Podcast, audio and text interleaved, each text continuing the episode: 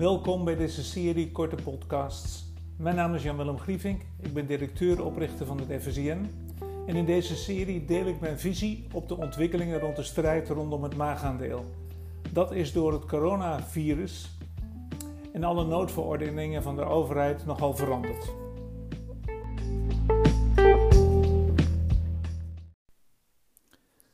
Dit is Jan-Willem Grievink met een derde korte podcast over de impact van de recessie, over de nieuwe werkelijkheid die we in de foodsector zullen meemaken en over de grote veranderingen en de impact daarvan op elke speler in de voedselketen. Ik heb het uh, over heel veel verschillende dingen gehad, over de, de nieuwe werkelijkheid van de anderhalve meter economie, over uh, events, over formules die alles kunnen worden, over retailers, over de consument die aan het downgraden is, over verandering in de samenleving, over kansen voor private dining, over de rol en de paternalistisch gedrag van de overheid. Ik heb het gehad over de hongersnoden wereldwijd, die ongetwijfeld in 2021 al gaan komen. En ik heb het gehad over dat de afhankelijkheid die Nederland heeft in de voedselketen en die, uh, waarmee je veel meer lokaal beleid gaat krijgen in de voedselketen. Zorgen voor je eigen voedselvoorziening. Nou, in, de, in deze wil ik het hebben over de grootte van de, en de impact van de recessie die ongetwijfeld gaat komen. Nou, sinds 1970 is de wereldbevolking verdubbeld naar 7,7 miljard. In dezelfde periode is het aantal mensen met te weinig eten gedaald van 36% naar 11%. Dus wat dat betreft hebben we enorme stappen gezet. En dat is allemaal te danken aan uh, ja, heel goed en doordacht systemen, door uh, met name ook financiële mogelijkheden en de enorme welvaart die we zeg, de laatste 30 jaar hebben gehad, met af en toe kleine crisissen. Maar die enorme welvaart, er is een enorme vermindering van de armoede wereldwijd geweest. En nu lijkt het alsof daar een enorme kentering in gaat komen. Als je kijkt naar alle rapporten, ik heb er heel veel gelezen van uh, zeg maar wereldwijd, wereldwijde experts over de economie.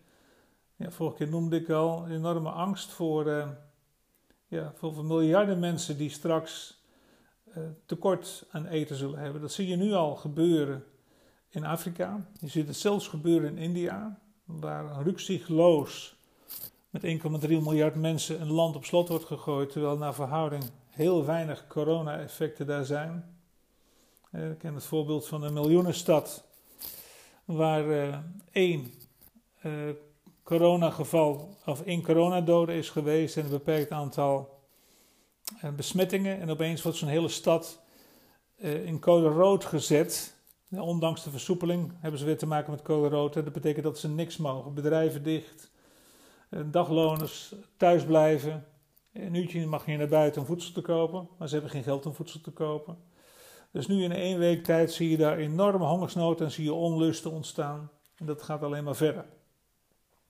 Nou, als we een recessie krijgen, ook in het Westen, en die krijgen we, dan krijgt dat een enorme impact.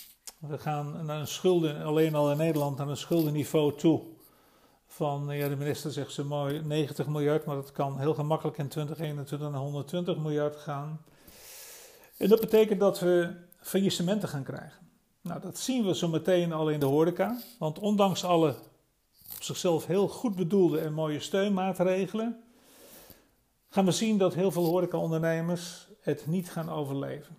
Komt ook omdat we veel te veel horeca hadden in Nederland. In 2019 hebben we gezien dat we een all-time high hadden aan het aantal plekken waar eten en drinken is, en met name in de grote steden.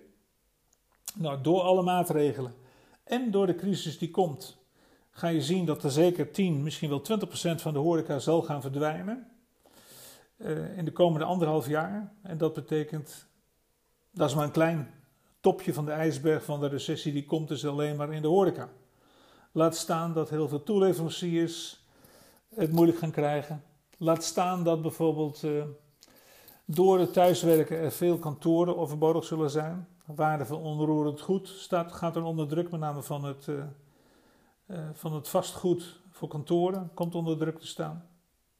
Dat betekent dat winkels het moeilijker gaan krijgen. Dat het aantal winkels wat al verminderd is, afgelopen jaren met 13%, zal nog eens een keer 10% afgaan. Dat betekent leegstand in de binnensteden. Eh, vroeger losten we dat op via een extra kapper en een extra horecavergunning. Dat kan allemaal niet meer.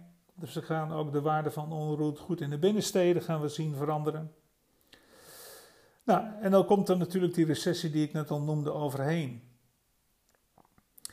Dat betekent, zien we nu al, de wet van Maslow, datgene wat we ons in luxe veroorloofden, uh, datgene wat we, dat we food als lifestyle tot in het extreme doorvoeren, dat zal weer teruggaan naar de functionele behoeften die Maslow altijd zo mooi aanduidt.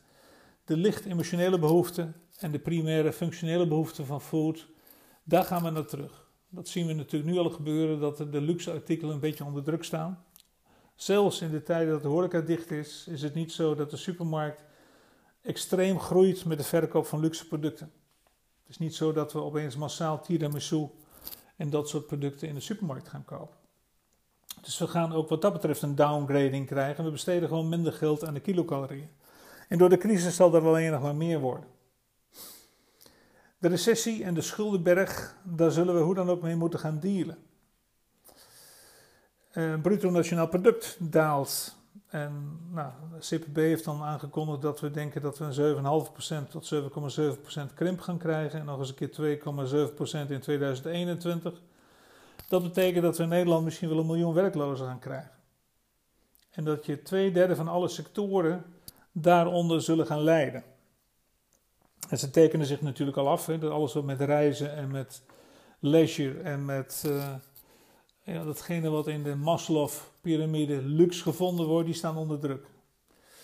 Komt ook nog een keer bij dat uh, het nu overduidelijk is dat de risicoplekken, dat zijn geconditioneerde ruimtes waar mensen met airco uh, of met hoge lichaamstemperaturen bij elkaar zijn, vandaar die sportscholen. Vandaar ook misschien wel die slachterijen die onder druk staan.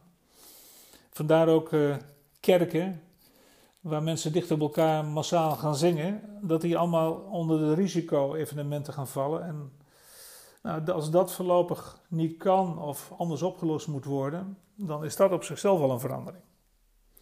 Nou, heel veel sectoren die toeleveranciers zijn aan die uh, dingen die ik net noemde, dus aan de reizen en aan de entertainmentindustrie en de grote events, die zullen daaronder lijden en er zullen veel mensen wegvallen. Dat betekent omscholing. We moeten gaan leren omscholen.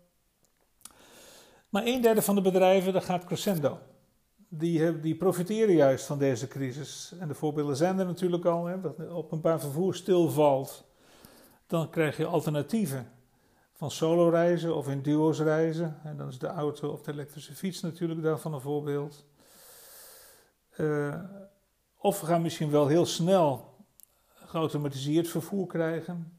Dan krijgt Elon Musk toch nog zijn zin hè, met zijn uh, hyperloops in kleine cabines of in, aan, op elkaar aansluiten met uh, magneetvervoer. We gaan allemaal gekke nieuwe dingen krijgen. Maar een derde van de economie gaat crescendo, maar twee derde gaat eronder lijden.